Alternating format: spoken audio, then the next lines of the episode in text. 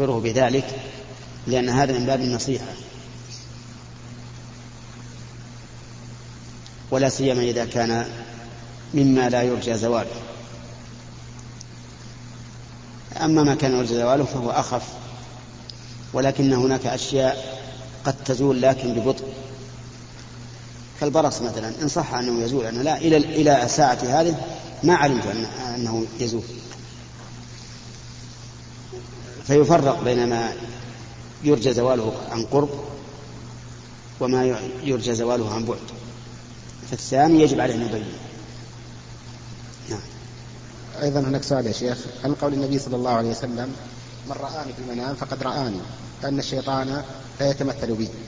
السؤال هناك من يرى رجلا ويقول أنا رسول الله صلى الله عليه وسلم. ويكون مخالفا لما ثبت فيه وقد يكون يعني متلبسا بكبيرة من الذنوب. وقد يكون؟ متلبسا بكبيرة. نعم. ويقول أنا رسول الله. كيف يعني الجمع بين الحديث وبين هذه الرؤيا؟ يقول النبي عليه الصلاة والسلام من رآني في المنام فقد رآني حقا لأن الشيطان لا يتمثل به. وبناء على ذلك إذا رأى الإنسان شخصا في منامه وانقدح في ذهنه أنه رسول الله صلى الله عليه وآله وسلم أو سمع من يقول إن هذا رسول الله فإنه يجب أن يطبق ما, ما رآه على ما علمه من صفات الرسول صلى الله عليه وسلم الخلقية. فإن طابق فهو هو وإن خالف فليس إياه. فمثلا هو إذا رأى شخصا ولم تتبين له صورته فليس, فليس رسول الله صلى الله عليه وسلم. وإن تبينت وجب أن يطبقها على ما يعلم من صفته. فإن طابق الصفة فهو رسول الله وإن لم يطابق فليس رسول الله. نعم. طيب سؤال أخير يا شيخ. بالنسبة لقول النبي صلى الله عليه وسلم في السبع الذين يظلهم الله في ظله وشاب نشأ على عبادة الله سبحانه وتعالى. في طاعة الله. في طاعة الله. نعم. هناك شباب يعودون إلى الله سبحانه وتعالى في السن الخامس والعشرين في السن الرابع والعشرين. يعني يكون بعد البلوغ يعني في ضياع ويكون قد عصى الله سبحانه وتعالى وقد يكون تاركا للصلاة. فبعد هذا السن يرجع إلى الله سبحانه وتعالى ويكون من عباد الله سبحانه وتعالى. هل يكون يعني من داخل هذا الحديث؟ ينظر للسن. السن عندهم درجات. سن الشباب سن القبولة وسن الشيخوخة وسن الهرم. فيرجع إلى إلى إلى, إلى هذا. فالذي في الخامس والعشرين لا يزال في الشباب. ولكن مع ذلك لو فرض أنه لم لم يستقم إلا بعد الثلاثين. فإن الله تعالى يقول في كتابه والذين لا يدعون مع الله إلها آخر ولا يقتلون النفس التي حرم الله إلا بالحق ولا يزنون ومن يفعل ذلك يلقى أثاما يضاعف له عذاب يوم القيامة ويخلد فيه مهانا إلا من تاب وآمن إلا من تاب وآمن وعمل عملا صالحا فأولئك يبدل الله سيئاتهم حسنات وكان الله غفورا رحيما. فهؤلاء الذين تابوا بعد أن كبروا وعملوا عملا صالحا يبدل الله سيئات حسنات ويكتب لهم إن شاء الله ما يكتب لغيرهم. وإذا قدر أنه لم يكن كذلك فقد فاته خصلة من الخصال التي توجب أو التي يكون بها ظل الله عز وجل فلا تفوته الخصال الأخرى. نعم. جزاك الله خير يا شيخ. طمس. الوجه الصورة هل يكفي طمس الوجه؟ إذا طمس الوجه من الصورة فقد حصل المقصود. لأن الصورة حقيقة لا تكون إلا بالوجه إلا بالوجه. والوجه هو الرأس. فإذا طمسه فلا حرج؟ إيه لا, لا فرق. كلها يزول يزول بها اسم الصورة. طيب شخص رجع من سفر فقصر الصلاة بين البداية والعين نعم. هل قصره؟ وهو من أهل البداية لا يعني نعم. إذا رجع المسافر من سفره فله أن يقصر الصلاة حتى يدخل إلى البلد. حتى لو لم لو لم يبقى بينه وبين بلده إلا عشرة أمتار فإنه يقصر الصلاة. كما أنه إذا خرج من البلد ولو خرج عشرة أمتار فإنه يقصر الصلاة. زين بعض الناس في السفر يترك جمع السنن عدا الوتر وركعة الفجر. ما عدا إيش؟ ما عدا الوتر ركعة الفجر وركعتي الفجر والوتر. نعم. الذي يدع الصلاة النافلة في سفره قد فاته خير كثير. لأن صلاة النافلة في السفر باقية على مشروعيته. كصلاة الليل وصلاة الضحى تحية المسجد سنة الوضوء وغيرها من النوافل. إلا إلا ثلاث إلا ثلاث سنن. وهي راتبة الظهر وراتبة المغرب وراتبة وراتبة العشاء. فهذه الثلاث السنة لا تصلى في السفر. فإن قال أنا أنا جئت إلى إلى المسجد. أنتظروا الجماعة أنتظروا مجيء الإمام مجيء الإمام. فهل تمنعوني من الصلاة؟ نقول لا نمنعك صل ما شئت لكن لا تنوي أنها هي الراتبة. إنه نفلا مطلقا وهذا يحتاج الإنسان إليه في آه، في الحرم المسجد النبوي النبوي والمسجد الحرام. فنقول صل ما شئت من النوافل. جعلها نوافل مطلقة.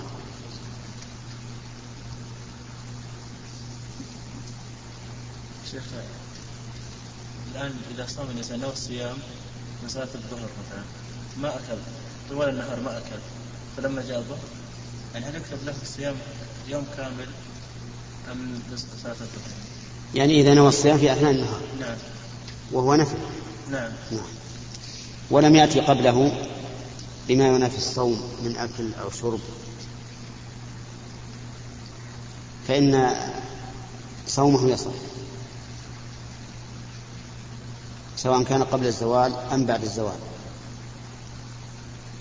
ولكن هل يثاب من أول النهار أو يثاب من النية؟ الصحيح أنه يثاب من النية فقط.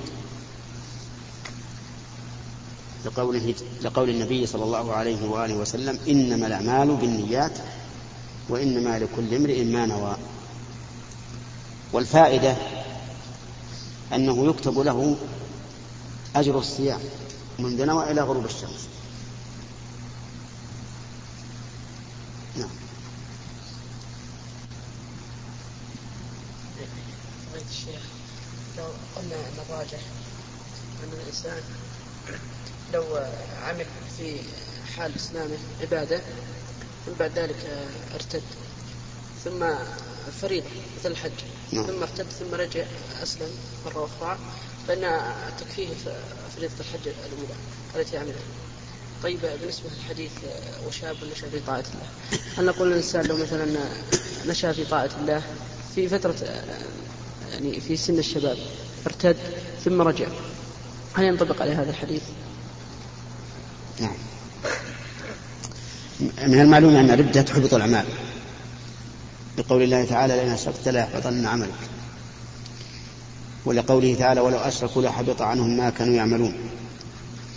لكن هذا مقيد بما إذا مات على الكفر. لقوله تعالى ومن يرتد منكم عن دينه فيمت وهو كافر فأولئك حبطت أعمالهم في الدنيا والآخرة وأولئك أصحاب النار هم فيها خالدون. فلو ارتد ثم عاد إلى الإسلام فإن أعماله الصالحة السابقة للإسلام السابقة للردة لا تبطل وكذلك ما يحصل ما له من المزايا والمناقب والفضائل. فالشاب الذي نشأ في طاعة الله ثم ارتد ثم عاد للإسلام يحصل له ثواب الشاب الذي نشأ في طاعة الله. وكذلك الصحابي لو ارتد الصحابي ثم عاد إلى الإسلام فإن صحبته لا تبطل بل هذه المنقبة تبقى له كسائر الأعمال الصالحة. نعم.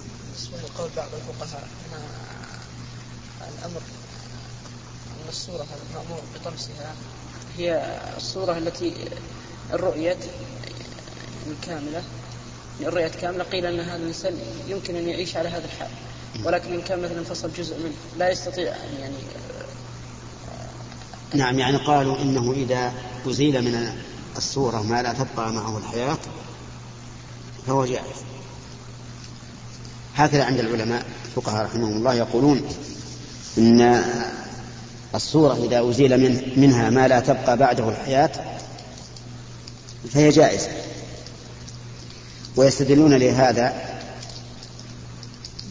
بقول بقول النبي صلى الله عليه وآله وسلم عن المصورين يقال لهم أحيوا ما خلقتم. وقوله كلف أن ينفخ فيها الروح وليس بنافخ. والروح والحياة لا تحل نصف البدن مثلا. فلهذا قالوا رحمهم الله إنه إذا أزيل من الصورة ما لا تبقى معه حياة حلت. فإذا قطعت الصورة من النصف مثلا أو قطع من الرأس كلية فإنها حلال. نعم.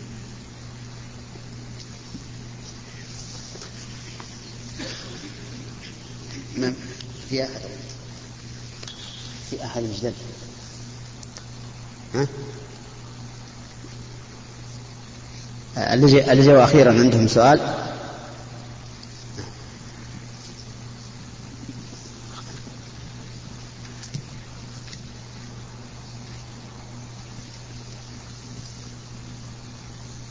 بسم الله الرحمن الرحيم. السؤال رجل متزوج من عشرين سنة. من سنة واحدة لا يقدر على جماع أهله. والرجل موجود في الأردن. طبعا في كتابات من بعض أهل الشر تحجز الرجل عن زوجته فيراجع ناس آخرين لأجل أن يلغي هذا الكتابات أو هذه الحجابات التي تمت. نعم. فعند مراجعته لأولئك الناس قالوا أنه أمرك صعب. ف يعني هل من سبيل شيء من الكتاب والسنة؟ جزاك الله خير. يعني كأنك تسأل عن الرجل منع من زوجته. لا يستطيع جماعة. فهل من دواء؟ الجواب نعم هناك دواء. التعوذ بالله من الشيطان الرجيم ومن شر خلقه قراءة المعوذات. نعم.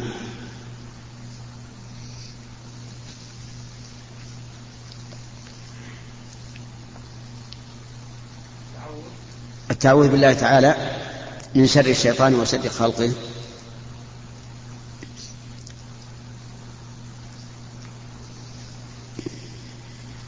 قراءة المعوذتين قل أعوذ برب الفلق وقل أعوذ برب الناس.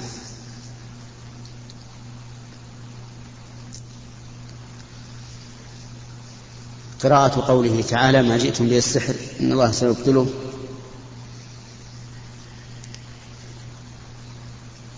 إن الله لا يصلح عمل المفسدين.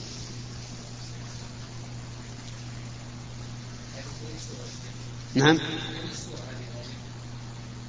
هذه في سورة يونس. يونس.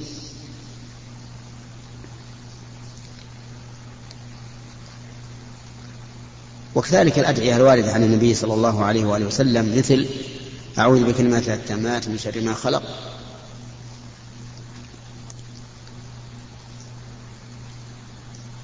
ورقية المريض مثل ربنا الله الذي في السماء تقدس اسمك. إلى آخر الحديث. فليعالج نفسه بهذه الأدعية وهذه الآيات بإخلاص يقرأ ويقرأ عليه. والله سبحانه وتعالى يجيب الدعاء. نعم. عند الأخ. ها؟ نعم. أحسن الله عنك شيخ. معتمر قبل سنوات ترك السعي ليخرج مع رفقته معتقدا أنه إذا أبطل هذا العمل بطل وحج بعد ذلك واعتمر فماذا يلزمه؟ جزاك الله خير. اولا أقول إن تأخير هذا السائل سؤاله إلى ما بعد سبع سنوات.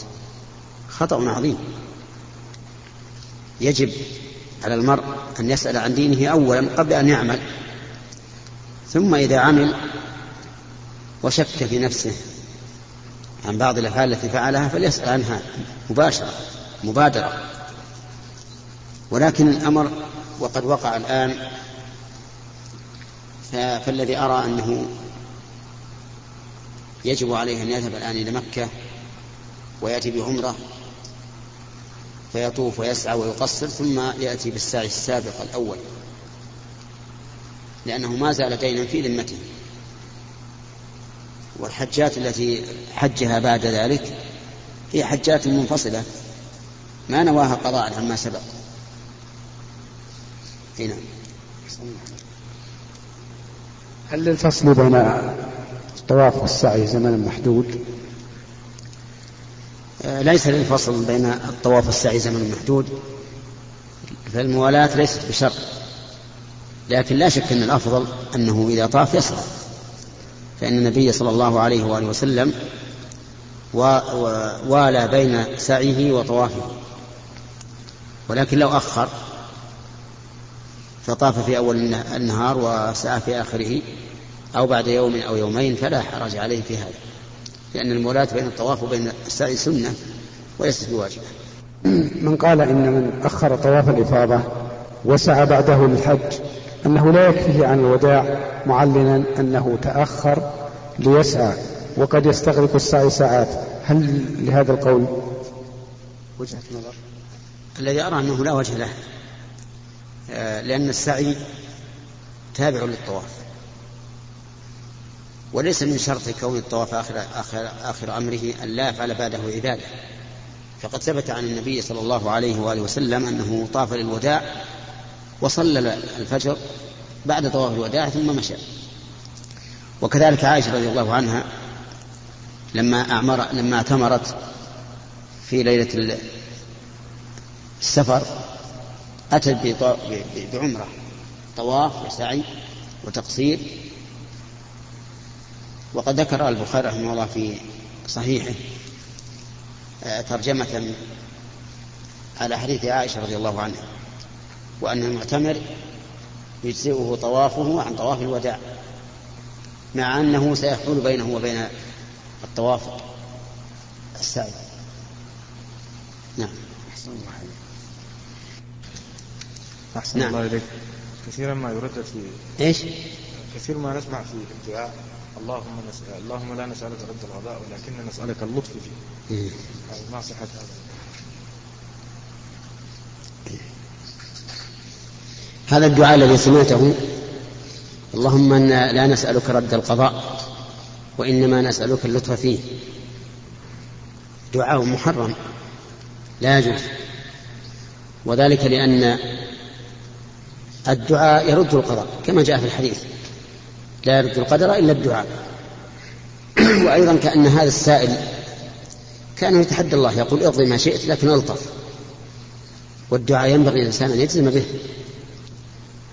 وأن يقول اللهم إني أسألك أن ترحمني اللهم أعوذ بك أن أن تعذبني وما أشبه ذلك. أما يقول لا أسألك رد القضاء. طيب الدعاء وش الفائدة منه؟ إذا كان لا تسأله رد القضاء. الدعاء يرد القضاء. فقد يقضي الله القضاء ويجعل له سببا يمنع. نعم. فالمهم أن هذا الدعاء لا يجوز. يجب على الإنسان أن يتجنبه وأن ينصح من سمعه يدعو بهذا الدعاء.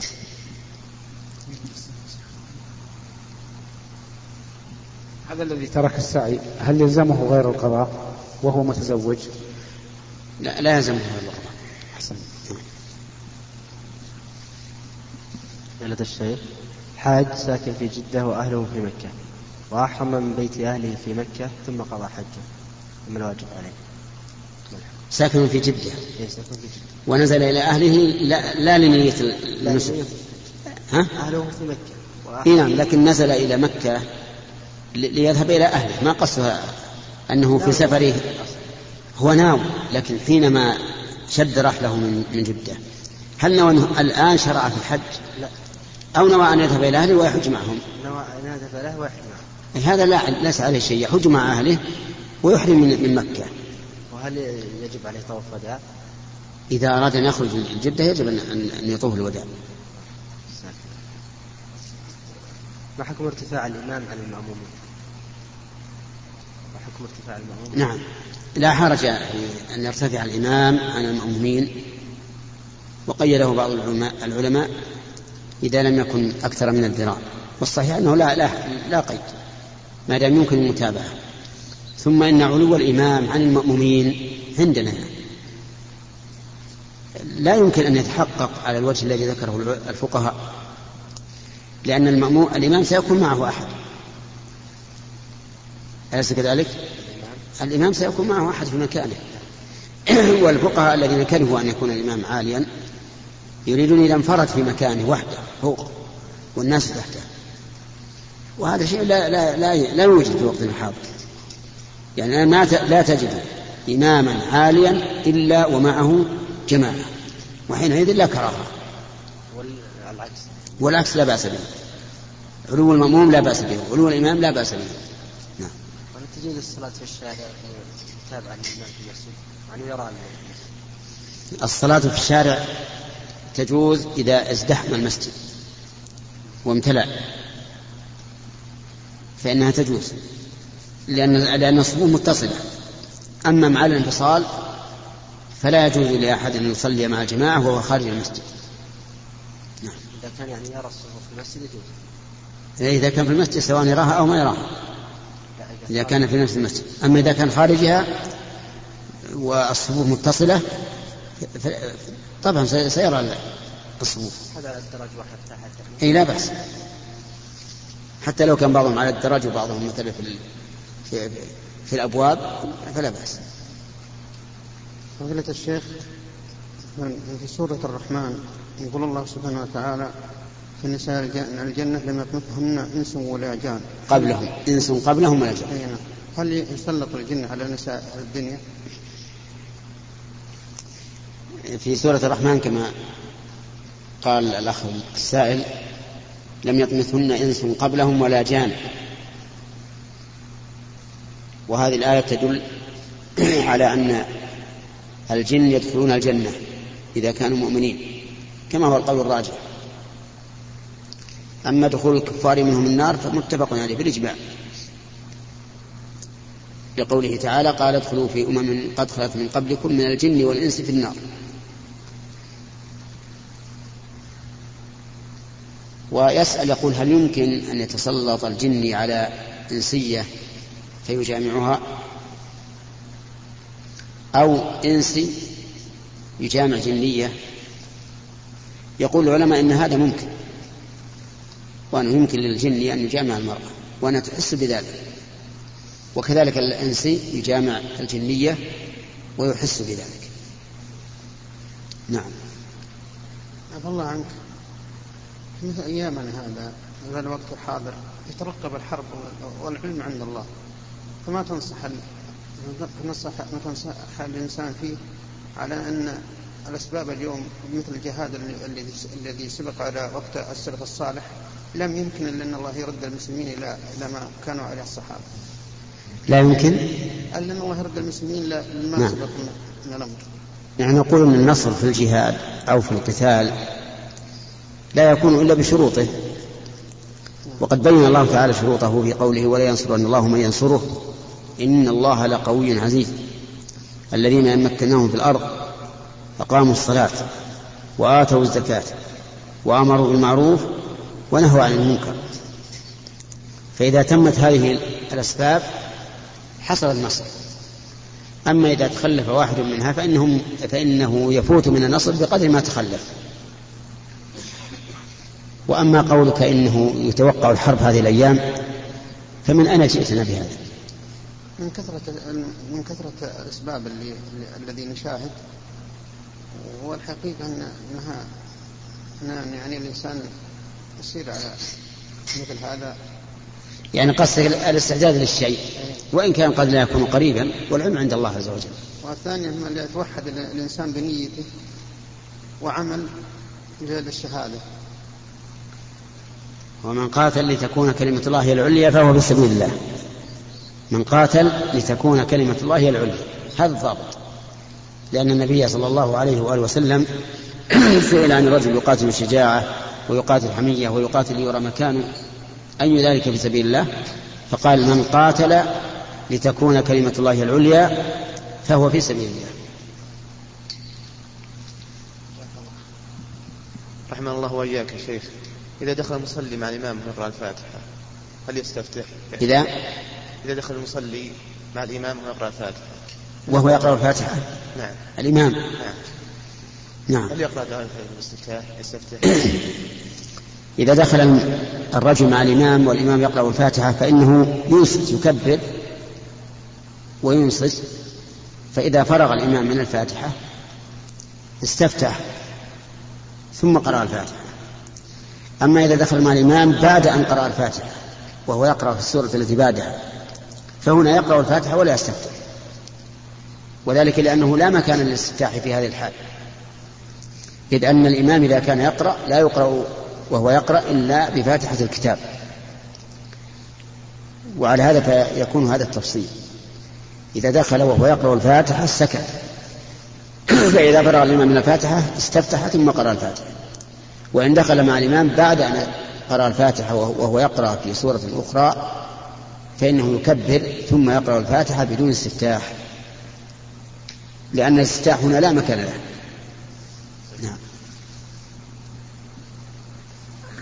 هل يجب متابعة الإمام في التأمين؟ نعم. التأمين سنة. سنة مؤكدة. لا سيما إذا أمن الإمام قال إذا أمن الإمام فأمنوا. وتكون يكون تأمين الإمام والمأموم في آن واحد.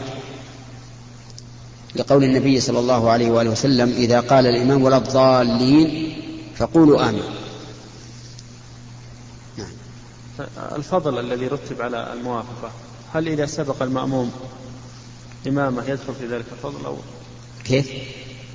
الفضل الذي ورد في الحديث لمن وافق إمامه في التأمين. تأمين نعم. حتى يوافق تأمين الملائكة. نعم. هل من سبق إمامه يدخل في هذا الفضل؟ لا. من سبق إمامه في هذا فإنه لا يدخل في هذا الفضل لأنه قال إذا أمن وأقل ما يكون في هذه العبارة أن المعنى إذا شرع في التأمين. لكن لو فرض أن الإمام تأخر. فحينئذ لا حرج على المأموم أن يؤمن. نعم. شيخ أثابك الله. رجل يعمل في إدارة حكومية فقال له مدير هذه الإدارة أريدك أن تدير أعمالا تجارية لي وأعفيك من العمل. وإيش؟ وأعفيك من العمل. نعم. فهل يرضى بذلك أو يستمر على العمل؟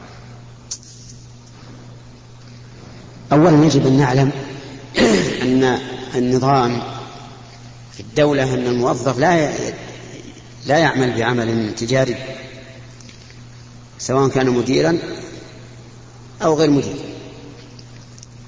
فهذا المدير الذي قال للموظف اعمل في تجارتي نقول أولا تجارتك حرام. إلا بإذن من من الحكومة. لا ربما كانت زراعة أذن له. نعم. زراعة يعني من الشيء المدون فيه. حتى هذه أيضا لا يجوز أن نستعمل هذا الموظف في وقت عمله في زراعته. لأن هذا من باب الاختصاص بأعمال الحكومة. كما ورد في أول الجلسة في من يستعمل سيارة الحكومة في أعماله الخاصة. فلا يجوز للموظف أن يوافق على هذا التكليف. بل يقول لا أنا أريد أن أعمل في عملي الذي آخذ الراتب من أجله. وإذا كان هذا المدير سيعطيه أكثر من الراتب الحكومي فلينفصل عن الراتب الحكومي ويعمل لهذا المدير عملا خاصا بوجه منه. هنا. جزاك الله خير الله إذا دخل المسافر مع إمام المقيم الشهر الأخير هل له أن يتم؟ أو يقصر الأفضل يا شيخ؟ نعم. إذا دخل المسافر مع الإمام وهو بالتش... مع الإمام المقيم وهو في التشهد الأخير فإنه يلزمه الإتمام. لعموم قول النبي صلى الله عليه وآله وسلم فما أدركتم فصلوا. وما هذه شرطية؟ تعم ما يدرك من قليل أو كثير. ولم يقل النبي عليه الصلاة والسلام. فما أدركتم مما تدركون به الجماعة. فصلوا وما فاتكم فأتموا. بل أطلق. قال فما أدركتم فصلوا وما فاتكم فأتموا. فهذا الرجل الذي دخل معه في التشهد الأخير أدرك التشهد الأخير فصلى فإذا سلم الإمام وجب عليه إتمام ما سبق. هذا مقتضى الحديث. وإن كان بعض العلماء قال إذا أدرك أقل من ركعة فإنه لا يلزمه الإتمام لأنه لم يدرك الصلاة. فنقول إن الحديث عام. ما أدركتم فصلوا وما فاتكم فأتموا. صب صب صب الرجل. يا شيخ السلام عليكم ورحمة الله. عليكم السلام. قل إذا إذا مرت بعمال ولا أدري يعني ما ما أظهر من حالهم مسلمين أو كفار فكيف يكون السلام عليهم؟ إذا مررت بقوم لا تدري أمسلمون هم أم كفار. فانظر ما يترجح عندك. انظر ما يترجح. سواء كان في هيئة اللباس أو في أشكالهم. فإن, فإن لم يوجد مرجح فانظر إلى الأكثر في هذا البلد. إذا كان الأكثر في هذا البلد مسلمين فسلم عليه وإذا كان الأكثر في هذا البلد غير مسلم غير مسلمين فلا تسلم هل هل يجوز أقول السلام على المؤمنين؟ على إيش؟ على المؤمنين. فإن كانوا مؤمنين يعني يجوز أن تقول السلام على من اتبع الهدى لكن غالب العمال هؤلاء لا يفهمون معنى السلام على من اتبع الهدى. جزاك الله خير. نعم.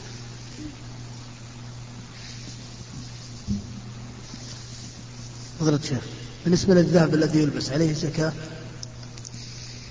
الذهب الذي يلبس عليه الزكاة على القول الراجح. نعم.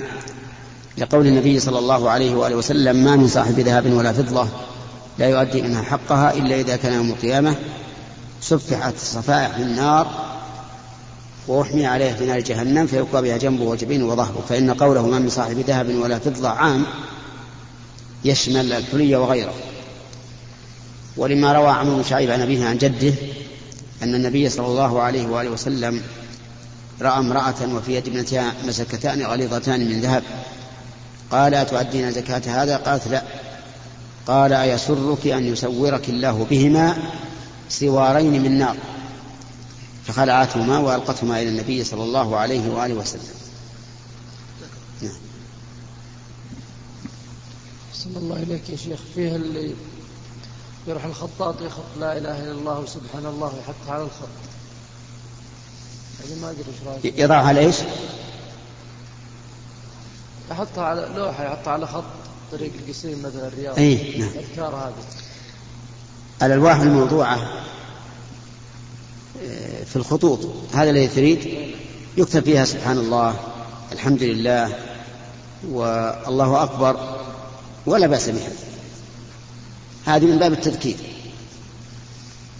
يا شيخ فيه الحديث النبي النبي صلى الله عليه وسلم يقول الكيس من دان نفسه. عن إيش؟ الكيس من دان نفسه.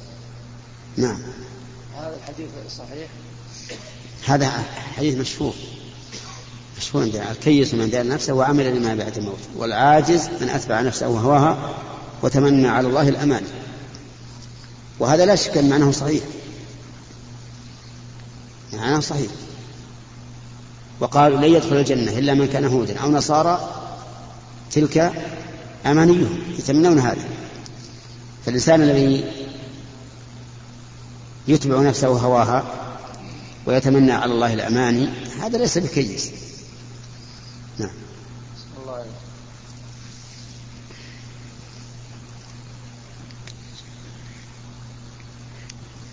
غفر الله ذنبك يا شيخ.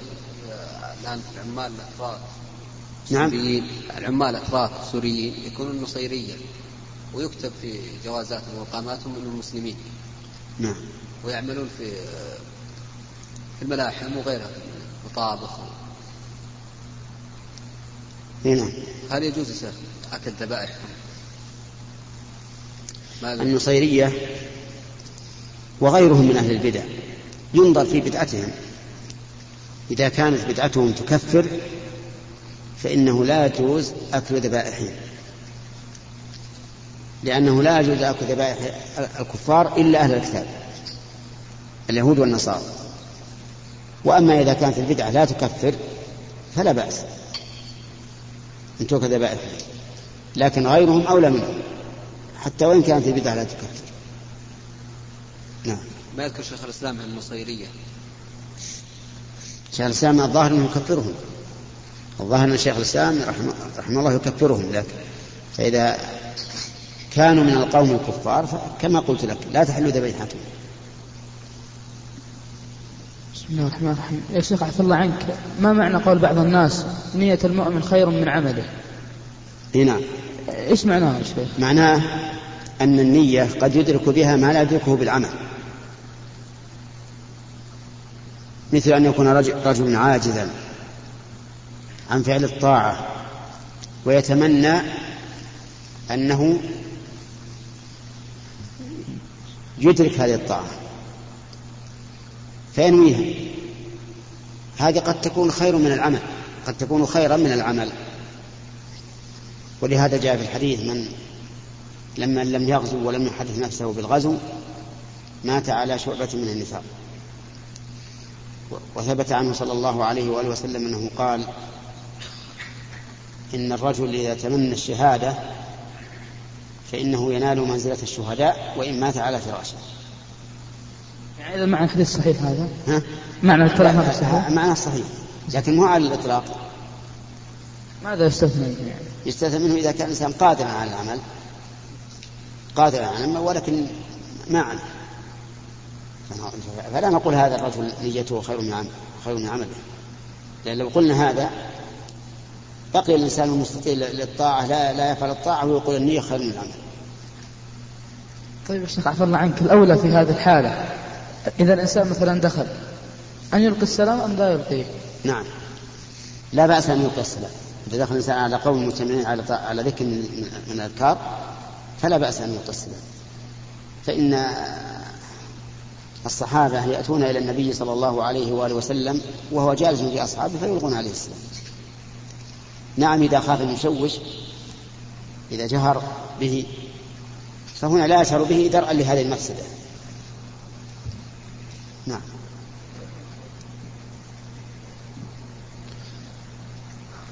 الله عنك يا شيخ. إذا لم يقلب الإنسان المباحات إذا إذا لم يقلب الإنسان إذا لم إذا لم يقلب الإنسان المباحات إلى عبادات. ما لا ينال الأجر. يعني إذا فعل المباح وهو ما نوى أنها عبادة؟ أي نعم. كالنوم والأجر معلوم. ليس له أجر إلا إذا كان فيه شيء متعدي. إذا كان شيء متعديا مثل أن يطعم الإنسان أهله الذين تجب عليهم نفقته الذين تجب عليه نفقتهم. فيطعمهم فهنا قد لا يستحضر النية ويكون له الأجر. وكذلك من زرع حبا أو غرس نخلا فأصاب منه طير أو أو دابة أو إنسان فإنه يكتب له الأجر. طيب شيخ هل يلزم هل يلزم في ركوب الدابة؟ أنه كلما ركب الدابة قرأ دعاء الركوب. إيش سوى؟ يدعو دعاء الركوب إي نعم ظاهر القرآن أن الإنسان كلما ركب على البعير أو السيارة أو السفينة أو القطار أن يقول سبحان الذي سخر لنا هذا وما كنا له مقرنين وإنا إلى ربنا لمنقلبون هنا. طيب هل يقاس ذا باللفت يا شيخ؟ باللبس اللفت لا لا ما أظن. المصعد الكهربائي هذا لا أظنه من, من هذا النوع. إنما هذا درج. درج ميسر مسهل. بارك الله فيك. فضيلة الشيخ ما رأي فضيلتكم في من يسمي أبناءه ببعض الأسماء الموجودة في القرآن كأفنان وأمثال وبيان؟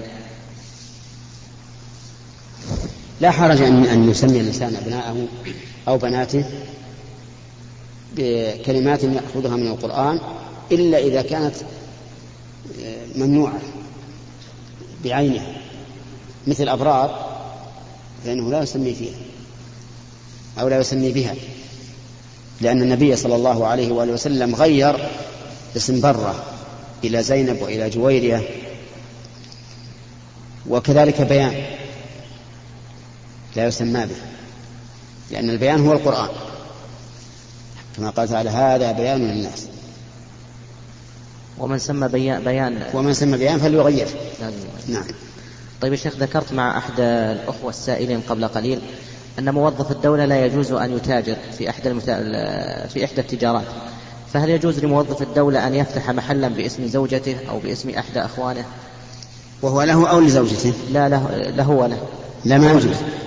يعني لا يجوز للإنسان الموظف أن يفتح محل تجارة باسم ولده أو زوجته أو أحد من أقاربه أو أصدقائه لأن ذلك كذب. فإنه فإن هذا المحل مثلا ليس لمن كتب له باسمه وهو في نفس الوقت خيانة للدولة. لأن الإنسان فعل ما منعته الدولة وتحيل عليه بهذا الحيلة طيب يا شيخ كما تعلمون في منطقتنا في المنطقة الشرقية إيش؟ في المنطقة الشرقية يوجد كثير من الرفضة أو الشيعة. فكيف يكون التعامل معهم؟ هل نبدأ بهم بالسلام ونتعامل معهم بالثلج عاملهم عامل الشيعة بما يعاملونك به. نعم. أبدا عاملهم بما بما يعاملونك به. نعم. أما في العبادات فإن الشيعة ينقسمون إلى أقسام. إلى إلى فوق العشرين قسما. ف فمن كان منهم؟ بدعته مكفرة فإنه لا يجوز السلام عليه. ومن كانت بدعته دون ذلك فينظر في المصلحة. نعم. نعم. طيب يا شيخ لو دخل أخذ ثلاثة. طيب. شيخ بعض الأئمة في القنوت هذه الأيام يبدون إيش؟ بعض الأئمة في القنوت هنا نعم يبدعون بدعاء القنوت المشهور في الوتر. اللهم اهدهم من العيد الظاهر أن هؤلاء لا لا يعرفون. هؤلاء الذين يقنطون بقنوت الوتر لا يعرفون. لأن القنوت هنا ليس قنوت وتر إنما هو قنوت لدفع البلاء. فيقنت بدفع هذا البلاء. كما كان الرسول عليه, عليه الصلاة والسلام يدعو للمستضعفين ويدعو على الظالمين بالدعاء المناسب. لكن هؤلاء الأئمة سمعوا قنوت قنوت ولا يعرفون. إذا رأيت أحدا من هؤلاء فبلغ. بين له الله إذا وافق يوم جمعة يوم عيد. اللي يصلي العيد بنية الجمعة. تسقط عنه الظهر والجمعة. الصحيح أنها أن الذي لا الذي يدرك العيد مع الإمام فإنه يرخص له بحضور الجمعة إن شاء حضر وإن شاء لم يحضر. ولكنه إذا لم يحضر يجب أن يصلي ظهرا. لأن لأن إذا سقطت الجمعة فلها بدل وهو الظهر.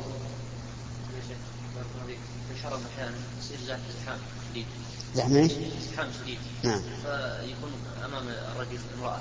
نعم. لا يستطيع السجود. ماذا إذا كان أمامه امرأة وهو لا وهو يخشى على نفسه من انشغال قلبه فلينصرف. يطلب مكان آخر. ولو كان جمعة. لأن النبي عليه الصلاة والسلام قال لا صلاة بحضرة الطعام ولا وهو يدافع الأخبثان فكيف عاد إذا إذا كان بحضرة هذه المرأة التي يفتتن بها؟ هذه من باب أولى. ولو فاتته الجمعة أيضا حتى لو فلت يقضيها ظهرا. نعم. ولهذا لو فرض الإنسان أصيب مثلا بغائط وحاصره هذا هذا الغائط دافعه. فإنه يقضي حاجته ثم يذهب إلى الجمعة. إن أدرك فهذا المطلوب وإن لم يدرك فلا شيء عليه. أبدا الأجر ثابت لأن من ترك العمل لعذر ولا سيما بعد الشروع فيه فإنه يكتب له أجره كاملا. بالنسبة يا شيخ لصور الحيوانات عزك الله. آه، تعليم الأطفال يعني بداية بداية الحروف الهجائية تكون صور لوحة عليها صور بعض الحيوانات. يكون كل حيوان تحته بداية الحرف. يعني جيم جيم يحط جمل. نعم. جيم يحط جمل؟ نعم هذا. خروف خاء يحط خروف؟ صورة هذا والحرف نعم. وفيه فائدة على تعليم الصغار. نعم. فما أدري عن الحكم. وعلى إنها تكون مهانة يعني. هذا لا بأس إن أنه يبين للطلبة هذه الحروف بشرط أن يقطع رأسه. نجعلها بعيرا بلا رأس. نعم.